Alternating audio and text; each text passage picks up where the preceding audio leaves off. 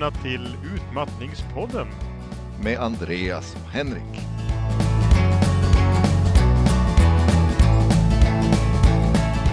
Hej och välkomna till Utmattningspodden. Idag är det inte som vanligt. Det är ett specialavsnitt. Idag är inte Andreas Arne Kaltenegger med. Här har vi nämligen istället med oss en gäst som bland många andra kvaliteter just har givit ut en skönlitterär bok där ett huvudtema är just stress. Och du heter Rebecka Edgren Aldén. Välkommen hit! Ja, tack så mycket. Eh, vi fick ju höra talas om att du har varit i en väldigt stressig bransch och rent av skrivit en bok om den saken. Visst stämmer det? Ja, det kan man säga. Det är ett av temana i, i min bok. Just med Precis. stress. Ett, ett hårt stressigt arbetsliv. Mm. Och mycket av det som vi har tagit upp i alla våra avsnitt förut handlar ju om den här svårigheten att balansera de påfrestningar man utsätts för, de krav som man faktiskt oftast ganska aktivt har ställt upp på och det som, som kroppen till slut säger till om. Nu har inte jag läst den här boken än, eh, men det är ju säkert i likhet med de flesta av våra läsare, tyvärr, för det är säkert en väldigt bra bok. Därför så tänkte jag att du gärna ska få berätta en del om det eller om annat. Ja, det låter bra. Men så till att börja med då. Vad var det för bransch som du var inne i eller vart vill du bör- börja den här berättelsen? Nej, men jag är eh, författare idag och Mm. eh, skriver psykologisk thriller. Och det här är då min tredje bok som kom ut nu i, ja, för några veckor sedan. Eh, Och den heter Deadline. Och deadline, Just det. låter lite, man hör det på namnet, att det har med journalistik att göra och medievärlden att göra. Eh, för jag har då en, en bakgrund som journalist. Jag har jobbat som journalist i ja, runt 20 år. Mm. Eh, och, men har nu gått över till bokvärlden och jobbar bara med böcker. Eh, det. men deadline, då vill jag använda eh, det som jag var med om när jag jobbade med journalistik. För jag jobbade med magasinsjournalistik på eh, någonting som heter Bonnier Tidskrifter som eh, är ett förlag för några av de största magasinen i Sverige. Det är Mm. som här som alla känner till, alltså Amelia, Topphälsa, Tara, M, Damernas Värld, Sköna Hem, alla de. Det. Allt i hemmet, Och vad var- alla vad var din roll Teknikens där? Värld. Vilken roll? Mm. Ja, jag hade lite olika roller. Jag jobbade ju där i nästan 15 år. Eh, just så jag har varit chefredaktör för två tidningar och sen har jag då Mm. varit redaktör och redaktionschef och andra redaktör. Och sen Mm. har jag, var jag faktiskt också över på annonssidan på slutet och eh, var konceptutvecklare och eh, chef över vår creative studio där. Åh, Och eh, jag hade ett jätteroligt jobb. Alla de här jobben var fantastiskt roliga. Men media är ju en bransch som är ganska utsatt. Den har varit det under de senaste Mm. 5-10 åren och blir bara värre och värre. Så att eh, pressen eh, har ökat. Mm. Om man säger så. Alltså pressen på de som jobbar där. Pressen Ja, att leverera. Exakt, därför att vi är ju inne i ett enormt paradigmskifte där folk faktiskt inte köper tidningar. Och, eh, eh, Nej, det finns ju mycket gratis och sånt där. Det är det man vet utifrån att eh, Ja. det, det är lätt att vilja ha liksom content utan att betala för den. För det bombarderas från alla håll. Exakt, så att det, det har ju aldrig konsumerats så mycket media som man gör idag. Men eh, det är ju också någon som gör den medien. Men just nu så är det Mm. ingen som betalar för den. Och eh, den senaste tiden har dessutom annonsörerna också försvunnit. Eller inte försvunnit, men de har, Mm. eh, det har kraftigt sjunkit. Eh, annonsintäkterna Ja, också. just det, just det. Eh, plus att man då, förr i världen var det ju då att man hade en deadline att man lämnade tidningen och sen så var man liksom inte ledig men då kunde man gå hem. Men nu när man jobbar med media så måste man ju uppdatera hela tiden. Eftersom vi lever i Just den det. digitala eran där allting ska, eh, ja allting sker ju här, här, nu, nu, Mm. nu, nu, nu. Så att, att journalistrollen har alltid varit stressig och jag, jag är en sån som gillar att jobba i miljöer där det händer mycket och eh, det tror jag alla som jobbar i media Mm. är. Men pressen har ju ökat något enormt och det är ganska många Så- som far illa.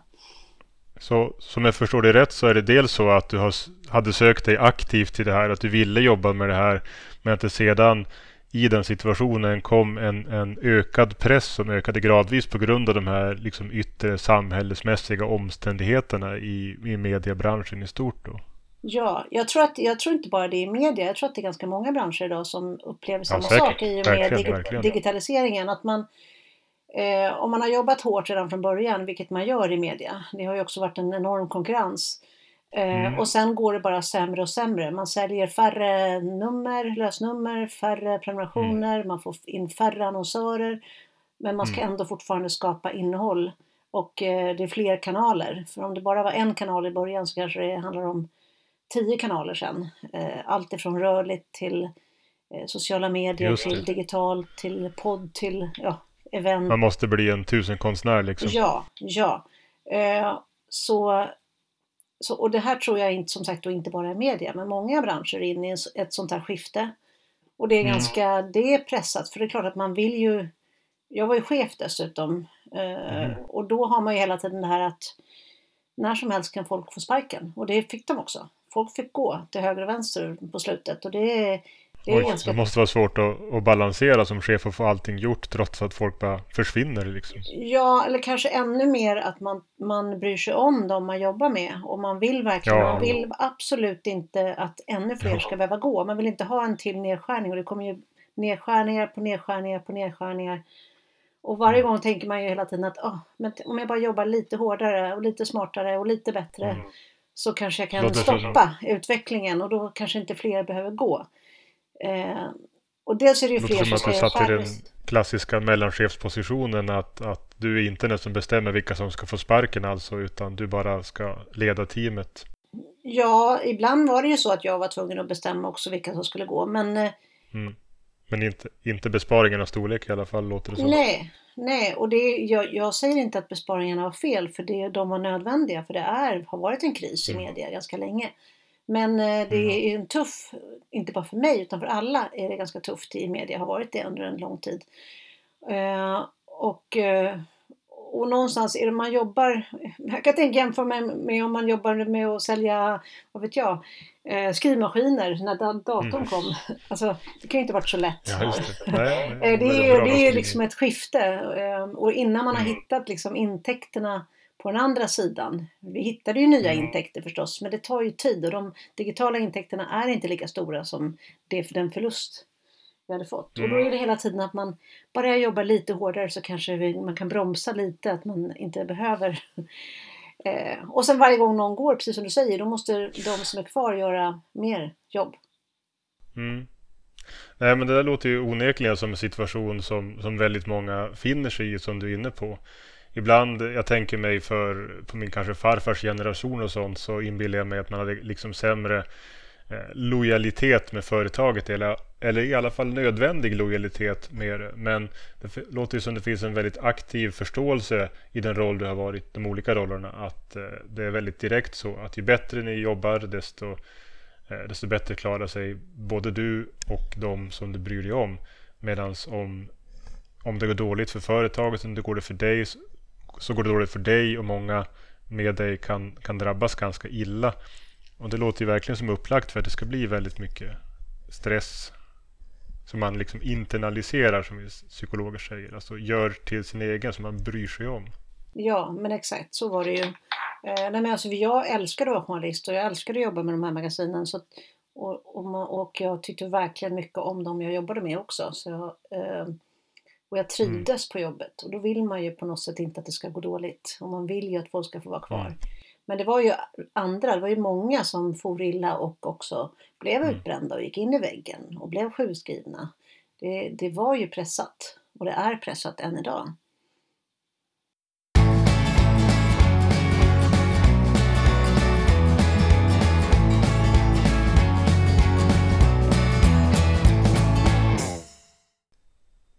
Ja, det där är ju något som vi har tagit upp. En lite inofficiell paroll som vi har haft för det här projektet är ju det är roligt att gå in i väggen. Ja. Naturligtvis inte riktigt alla som har det så. Utan en del kan ju ha yrken inom vård, skola, omsorg och sånt där. Där man känner att man pressas och man, man ska inte kunna betala räkningarna om man, om man byter jobb. Man ska inte få något annat jobb. Men annars så är det väldigt många som liksom pressar sig igenom hårdare och hårdare stress och hårdare och hårdare krav och deadlines just för att, att det, det, är väldigt tillfredsställande. Man gör ett bra jobb, man märker resultaten i att ja, men personal får stanna som är ditt exempel och annat. Och, och just den här känslan, det är roligt och till och med lustfyllt eh, har min kamrat Arne beskrivit mycket om. Ja, det är intressant att du säger det för att eh, det här som jag beskrev nu det var ju, det var ju så som medievärlden är i stort. Att det, att det är en nedåtgående mm. trend. Man säljer färre tidningar, man drar in färre pengar, det är mer mm. nedskärningar. Men det var egentligen inte då som jag kände någonting. Eh, utan jag mm. jobbade på och gjorde så gott jag kunde och jag har alltid jobbat väldigt mycket och jag gillar att jobba mycket så jag har ingenting emot det. Men det var faktiskt när jag bytte över till eh, eh, då till att hitta nya pengar och hitta nya kreativa sätt att dra in pengar till media. Mm. Eh, därför att det gick faktiskt väldigt bra. eh, förmodligen för att det var en, en liksom, outvecklad del utav mediebranschen. Eh, och jag var med och nisch, utvecklade den. Och, liksom. Ja, och det gick ehm, och då var det som att då, då plötsligt så vände det. Då jobbade man med någonting som plötsligt gav plus och som ökade. Och samtidigt så såg jag då att det här var också en av vägarna att faktiskt rädda media. Eh, och ja. rädda eh, de här eh, varumärkena som jag jobbade med och personalen. Och då blev det plötsligt väldigt gränslöst för mig. Och eh, jag hade aldrig tråkigt, inte en enda dag tror jag att jag hade ångest mm. över att åka till jobbet. Utan tvärtom så var jag så här, jag längtade till jobbet, jag tyckte det var så roligt. Och jag stannade sent mm. varenda dag och jag jobbade varenda kväll mm. och jag jobbade varenda helg och jag jobbade genom somrarna. Och, eh, och, det var, och det var då jag nästan blev lite så förvånad för plötsligt så märkte jag att jag började få massa konstiga symptom. Mm. Jag, liksom, och jag, jag, jag, tyckte att jag hade, jag hade världens roligaste jobb. Jag fick jättemycket uppskattning. Jag, fick, eh, mm. jag tjänade bra. Jag hade jätteroliga kollegor. Eh, allt var superkul. Men jag märkte att jag plötsligt så kunde jag inte känna smak. Jag kunde inte känna jag eh, hade ingen känsel i fingertopparna. Det här var ju innan coronan så det här var ju, hade ja, ingenting med det att göra. det här är för typ två och ett halvt, tre år sedan. Ja. Mm. Jag, plötsligt kunde jag inte hålla kroppstemperaturen. Jag började få så ont på olika ställen i kroppen. Jag fick så ont i axeln och började gå till naprapat. Och, eh, så jag, liksom, jag fick massa olika kroppsliga symptom helt enkelt. Mm. Och eftersom jag är journalist så eh, jag tror att man drivs av en slags vetgirighet. Så, så fort jag stöter på mm. någonting så börjar jag googla och liksom göra research.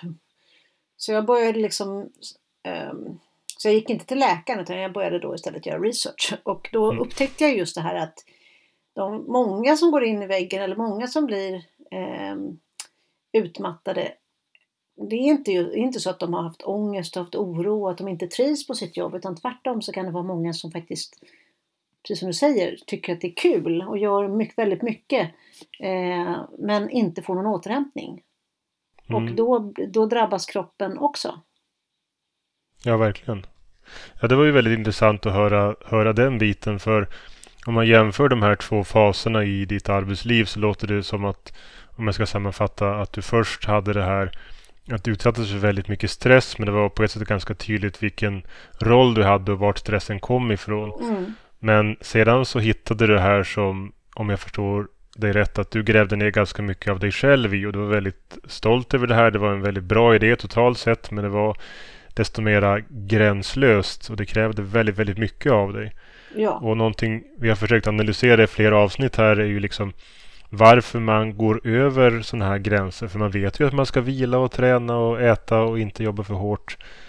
Eh, och det som händer många är ju onekligen just att man antingen av plikt eller av glädje eller båda och i det här fallet kanske, kanske mycket arbetsglädje ger väldigt, väldigt mycket energi till jobbet under en väldigt lång tid. Mm.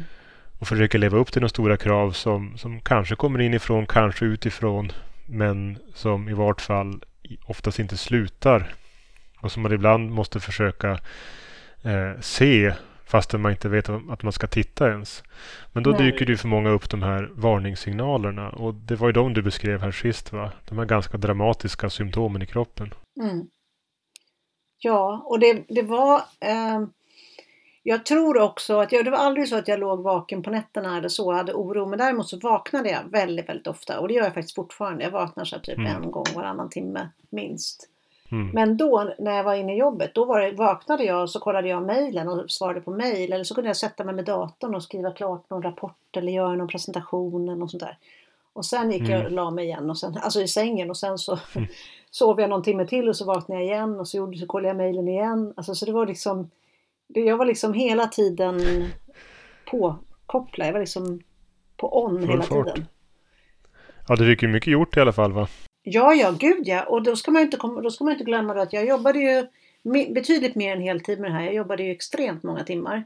Men då mm. hade jag ju också då skrivit två thrillers som hade blivit sålt till massa länder. Och, eh, mm. Så på min semester så åkte jag till Bokmässan och lanserade en. Och eh, jag modererade massa författarsamtal och, eh, som jag hade, hade läst massa. Och jag var, satt med i jury för ett deckarpris. Och så, så jag gjorde massa andra saker som hade med bokbranschen att göra också. Eh, och när jag började liksom göra research på det här då, och just det, sen i samma veva så, så, just det, så, så upptäckte min husläkare att jag hade hål i hjärtat också. Ja, en, och då blev jag lite så här rädd. Då, ja, jag fick så här, jag tror inte att det har med det att göra, men jag fick en sån här, liksom, man säga, nästan så lite dödsångestkänsla. Att shit, tänk mm. om det är så att jag har jobbat mig till det här hålet i hjärtat. Mm. Eh, göra sånt? Så jag fick verkligen så här, det var inte säkert det. Det var liksom, Nej. det hade säkert ingenting med det att göra, men den upptäcktes eh, mm. där. Men jag fick mig liksom en tankeställare för bara den tanken att jag hade jobbat så hårt så att jag skulle ha liksom skapat ett hål i hjärtat. Det var ju liksom, det skrämde mig. Eh, ja, det förstår jag var en väldigt, väldigt stor omständighet som liksom eh, på ett sätt skapade en, ett nytt kapitel kanske i livet eller ett tillfälle att tänka efter och omvärdera saker.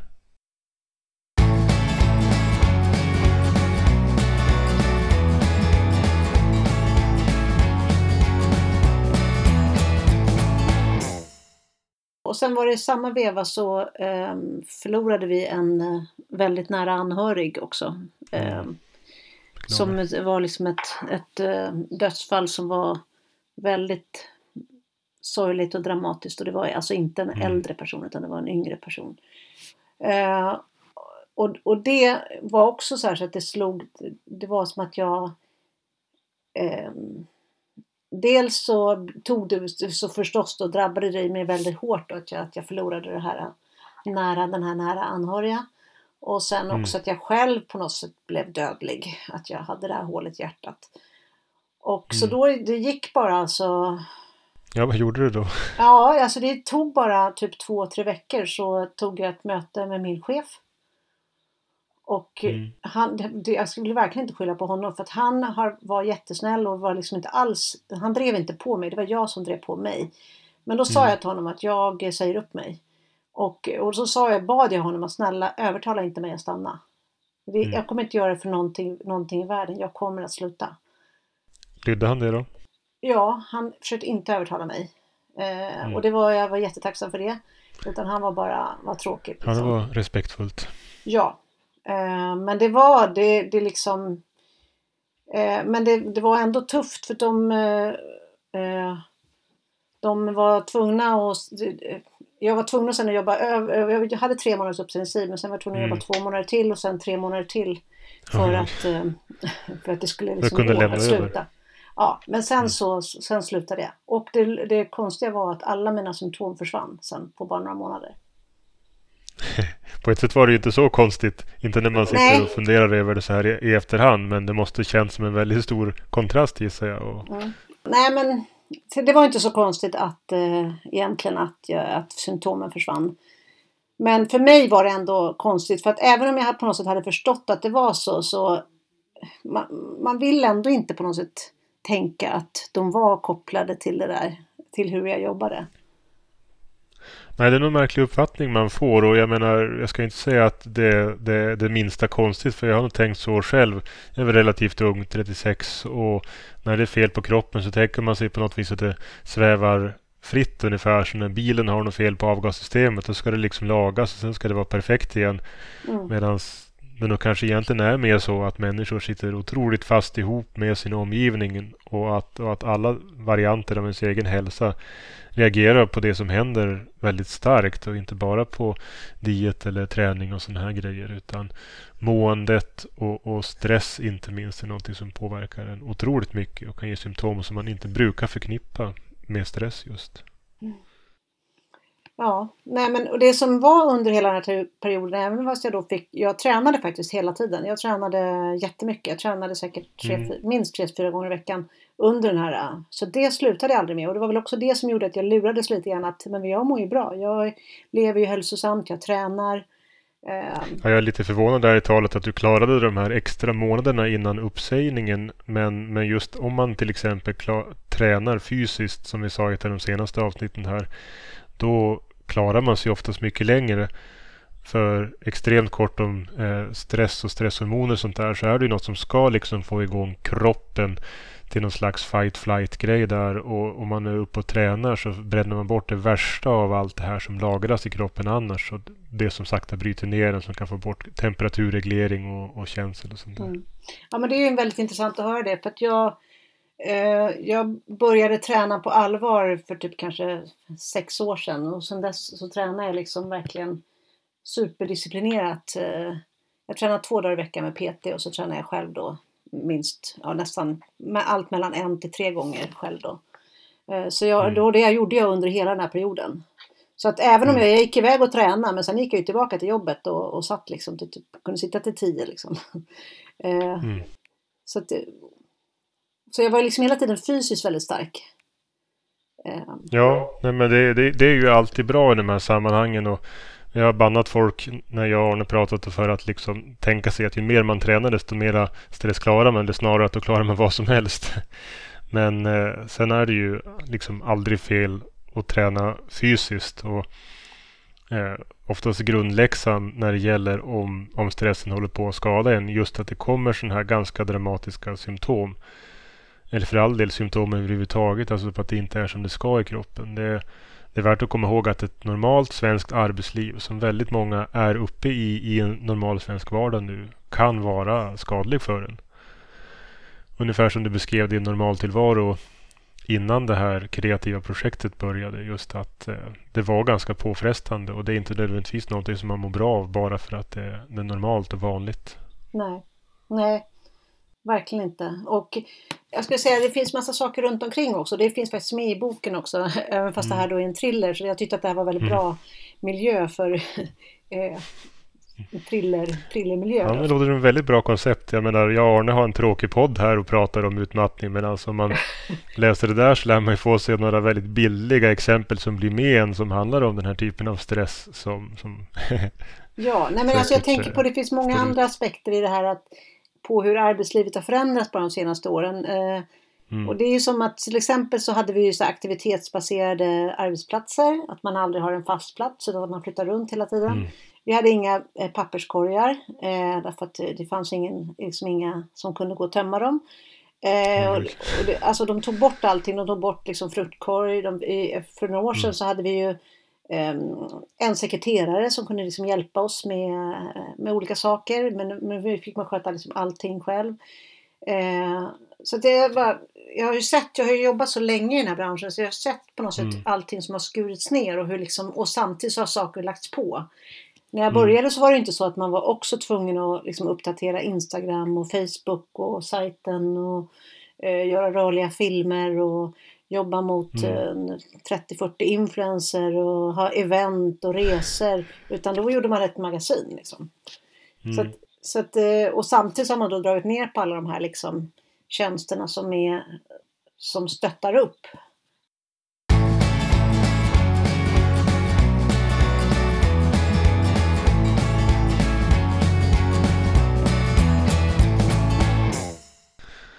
Och hur är det på på din nya position då? Eh, nu är du författare som jag förstår och då gissar jag att du styr mer själv. Ja, jag är ju helt min egen. Och jag är ju för sig då en väldigt usel chef till mig själv. Men å andra sidan så jobbar jag eh, jag jobbar egentligen jämt. Så jag jobbar även på mm. helger jag jobbar på kvällar och jag jobbar på vardagar. Men jag börjar inse att jag är nog lagd åt det hållet. Men Mm. jag eh, fortsätter att träna väldigt regelbundet och jag tar bara eh, roliga uppdrag. Eh, För jag, jag Mm. jobbar inte bara med att skriva mina egna böcker, jag hjälper andra författare också. Ja. Eh, Så jag är manusutvecklare, redaktör och lektör och sådär. Och sen så har jag skriva Mm. kurser också på Folkuniversitetet. Som, som jag Mm. har, har och det är jätteroligt. Eh, men vad jag gör det är att jag eh, som är, som är skillnaden det är att jag faktiskt ser till att ibland ta sovmorgon. Jag, eh, går och trä, jag tränar ju då på arbetstid. Jag har varit och tränat Mm. idag. Eh, jag ser till att åka in och äta lunch med liksom andra som också är frilansare. Jag, eh, jag har ju min hund som jag går ut med. Eh, så jag är ju ute varje dag. Jag tror det betyder jättemycket att man får liksom dagsljus varje, liksom, vilket jag inte fick på samma sätt när jag jobbade. Eh, och jag är Mm. hemma när mina barn kommer hem. För det var jag ju inte då när jag jobbade Mm. som mest. Eh, Och även om jag då sitter fortfarande och jobbar så är jag ändå där när de är där och vi Mm. kan prata och jag kan hjälpa dem kanske om det är någonting och sådär. Mm. Så, att, eh, så det är ett helt annat, ett annat, helt annat liv. Det är fortfarande lite gränslöst men jag tror att det är så jag är. Men det är liksom, Ja, ofta klarar man ju av vissa stressorer. Alltså man klarar av den här gränslösheten. Man får, för du beskriver så mycket annat som är bra. Bara få träffa barnen och liksom kunna träna i dagsljus och, ja, och, och på något vis som jag antar att, att känna att du kan släppa och kan trappa ner på ganska kort varsel om det skulle viljas. ja, Det gör ju ofta att man kan ta ut ganska hårda svängar ibland. Det är ja, klart att de flesta inte så eh, fantastiska att man kan bli framgångsrik författare och har det att, att kliva över till. nej, Eh, nej. Så det är ju verkligen bara att, att gratulera och komma över din bok ska jag säkert läsa den så. Sen det man får göra om man, om man annars hamnar i en sån här situation att stressen larmar är ju att försöka helst i det stora göra val som leder en till, till ett bättre liv. Annars lyssna på råden här kring eh, de små saker som, som du mår bra av och som är avstressande som du, som du nämnde. Mm. Nej men det som jag tror ändå det som gjorde att jag överlevde i det här eh, Det var nog att jag eh, eh re, regelbundet eh, tränade. Eh, som var väldigt, väldigt, var, jag tror att det var super, superviktigt. Och, det, det, Mm. och sen också faktiskt så hade jag alltid någonting vid sidan av jobbet. Jag hade ju då att jag hade börjat skriva, för båda mina första thrillers skrev jag ju då medan jag jobbade. Mm. Och så säger inte jag att man måste skriva böcker, men man kanske kan ha någonting annat som inte Ja. är kopplat till jobbet. För jag tror Mm. också att det är många som är ganska utsatta på jobbet idag och eh, det, det är så stor del av ens jobb. Eller så Mm. stor del av ens liv. Ehm, Mm. Och på något sätt så, det är klart att jag, kan, jag kunde inte leva på mina böcker när jag hoppade av, absolut inte. Jag kan fortfarande inte riktigt leva på, liksom, fullt ut på mina böcker. Mm. Men jag hade ändå något slags liksom, fuck off-konto. Jag hade liksom någonting annat att falla Mm. tillbaka på. Eh, någonting annat som jag kunde göra. Och det tror jag Ja, vi passar ju oss. Ja, tack. Ursäkta att jag avbryter hela tiden. Jag försöker eh, styra lite. Men eh, det är ju verkligen något som vi försöker komma in på här för att det skulle bli väldigt förmätet att sitta i en sån här podd och säga att alla kan välja att, att byta karriär och sånt där. För det kan man ju oftast inte. Ja. Och en annan sak vi aktar oss mycket noga för att säga är ju att om man har ändrar inställning så kan man klara sig från utmattning. För att ibland så, så är det liksom yttre omständigheter. Men samtidigt så tycker jag det sätter fingret på en av de grejer som, som man brukar ändå försöka få med när det gäller folk som, som stressar på för hårt. Eh, och det finns ju också i den här berättelsen som du började med att när du flyttade över din karriär till fasen av det här kreativa, då flyttade du liksom in ditt hjärta och ditt riktiga driv där. Mm. Och när du sa på slutet att man skulle kunna ha ett annat fokus, typ skriva böcker som jag gissar var, var relativt lustfyllt, i, åtminstone i omgångar. Eh, man flyttar, man har någonting annat, eller vad, en hobby som du nämnde. Liksom. Ja, det är det jag menar. det- Och det var ju en hobby för mig från början Mm. också. Precis. I det läget då kan man uppnå det här att inte riktigt bry sig om den stress man annars utsätts för. Även om det är viktigt. Man kanske tar hand om barn på en förskola eller som du om anställda på en, på en avdelning eh, i en mediebyrå. Men, men att, att på något vis inte bry sig utan se det som en sorglig händelse men inte ens ansvar när folk får sparken. Det är någonting som man kan försöka uppnå om man inte kan förändra situationen i stort. Och det där med att, att flytta fokus till någonting utanför, och tänka att det är det här jag lever för egentligen. Då kan man ju kanske ta sig igenom flera dagar om, om det är det som faktiskt är läget. Ja, men det är precis det jag menar. Att jag menar inte att man måste ha någonting, någon backup-plan för att kunna försörja sig. Nej, utan verkligen, mer att det är typ att om Jag man är intresserad av trädgård. Att man har någonting som, som ligger utanför jobbet som betyder väldigt mycket. Mm.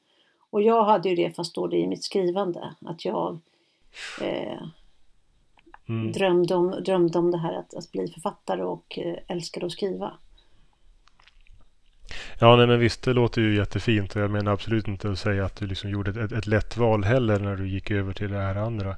Men det var ju det viktiga valet då. Eh, ni som har följt med den här podden ett tag vet ju att vi, jag har pratat mycket om det jag kallar stresskollaps. Alltså man, man går in i den berömda väggen och måste vara helt sjukskriven ett tag. Och det kan man ju bara gratulera till att du, du lyckades hejda och, och, och slapp liksom. För efter det är det ju svårt att hålla så många bollar i luften som... Ja men det var faktiskt det också. Som jag gjorde den researchen och, och förstod att Mm. om man väl går in i väggen då kan det ta väldigt lång tid att komma ur. Mm. Och då tänkte jag att då är det bättre att sätta stopp innan jag gör det. Och det var därför som jag sa upp mig. Eh, och sen tog det lite längre tid att sluta än vad jag hade tänkt då. För det tog ju först fem och sen tre månader till. Eh, därför att jag stannade kvar och hjälpte dem då. Men, men då gjorde jag inte heller det på heltid de sista månaderna. Utan då jobbade jag bara några dagar i veckan för att liksom göra en övergång. Eh, vilket också var bra för mig för då kunde jag liksom släppa jobbet lite grann successivt. För det var ju verkligen en stor passion för mig också. Eh, det här jobbet. Eh, Plus att det blev faktiskt lite lättare också rent ekonomiskt. För det var ju ett stort ekonomiskt brott för mig när jag sen inte hade någon Mm. lön. För då hade ju inte jag byggt upp någonting. Så jag var ju just ganska det. fattig där. Alltså, väldigt fattig i början. Och sen fick jag ju Ja. bygga upp en helt ny verksamhet. Och det var ju så att jag har ju fortfarande inte kommit upp i samma lön som jag hade då. Liksom. Nej. Ja, det är en väldigt bra illustration på att, att göra valet som, som gör att man överlever alltså hälsomässigt och slipper utmattas kan vara väldigt, väldigt kostsamt på även det mest krassa sätt. Liksom. Och det kan kännas omöjligt när man, när man är stressad. eh, Men det var ett val du gjorde som, som eh, vart bra till slut. Väldigt skönt att höra. Mm. Ja. Vi måste börja avsluta den här eh, intervjun tror jag. Sammanfattningsvis så var det väldigt fint att få höra din historia här och jag har väl avbrutit på mitt vanliga sätt för att eh, dra in lite olika typer av analyser och sätta det här i de kontexter som, som den här podden har handlat om hittills när vi i 15 långa avsnitt gick igenom Arnes, Arnes eh, sjukdomshistoria. Han drabbades ju faktiskt av utmattning då. Mm. Ja, Mm, så jag tänker att vi får tacka, tacka dig för det där. men det var väldigt intressant att höra dina inspel också. Mm.